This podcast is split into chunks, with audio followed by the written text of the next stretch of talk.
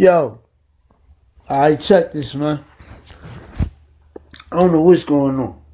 I do know this though. Sometimes you be like, uh, you get like, uh, anxiety, but that be your frequency to release. That be that that be that that that that nature up in you, that force up in you. Release it, man. Don't be being cool for nobody. If you want to release it, release it. It's yours. You know what I mean? It's yours, man. It's yours. Fuck normal. It's yours. Do you. So, don't worry about no anxiety.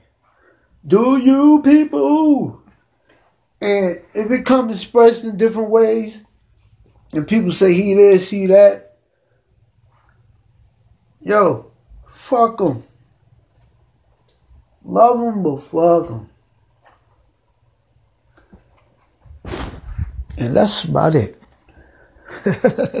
nah, man. But look, I'm on some bullshit because I'm going to tell you my bullshit. I'm going to be honest with y'all, yo. Yo.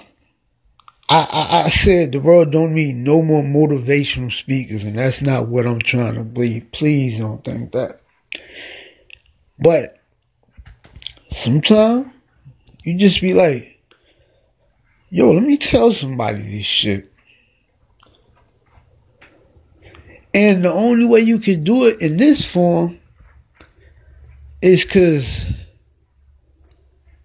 when you around people and you know how to listen, it hurts the fuck out you when nobody else knows how to listen.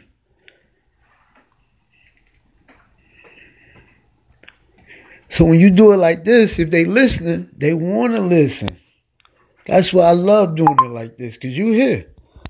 You know, you could have been anywhere else in the world, as they say. They meaning everybody. Nice line, though. It's true, though. You could have been anywhere else, but you're there. Wherever they at, you're listening to me, you working out, you just driving somewhere, you like, yo, who the, is this dude? Yo, I get it, man. It's peace, man. It's everything, man. Salute to y'all, do y'all thing. And I'm glad everybody scream, be yourself. It's like, that's the point I've always been around, you know what I mean? Like, I'm like, it used to piss me off. Niggas didn't want you to be yourself. They call you a fucking eyeball. But didn't bother me because I'm like, man, look, this is just me. Fuck, man. It was depressing though. I can't lie. But once you learn why niggas do that shit, you be like, that's their problem. The fuck I'm mad at me for? Cause I ain't making them happy? Nah, man, that's their problem. So that's where I'm at on that. oh man. I don't know. As they say, do the knowledge, say the numbers. I don't know. I um I gotta get more knowledge before I try to uh, the way you know you know something, see, this how I know I don't know it, what I'm trying to say to you, right? I know it, but I don't know it. Crazy as that sound. Because I, I understand what's being told to me.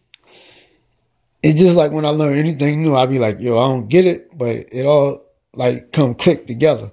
And I'll be like, okay, that click with that, that, that, that, that.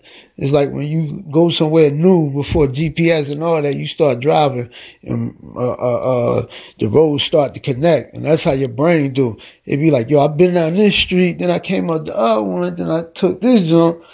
You know what I'm saying? Like, I don't know, like, and I apologize to anybody that ain't from my culture. And I mean, you might like my culture, but to really be from my culture, you don't need no explanation or nothing.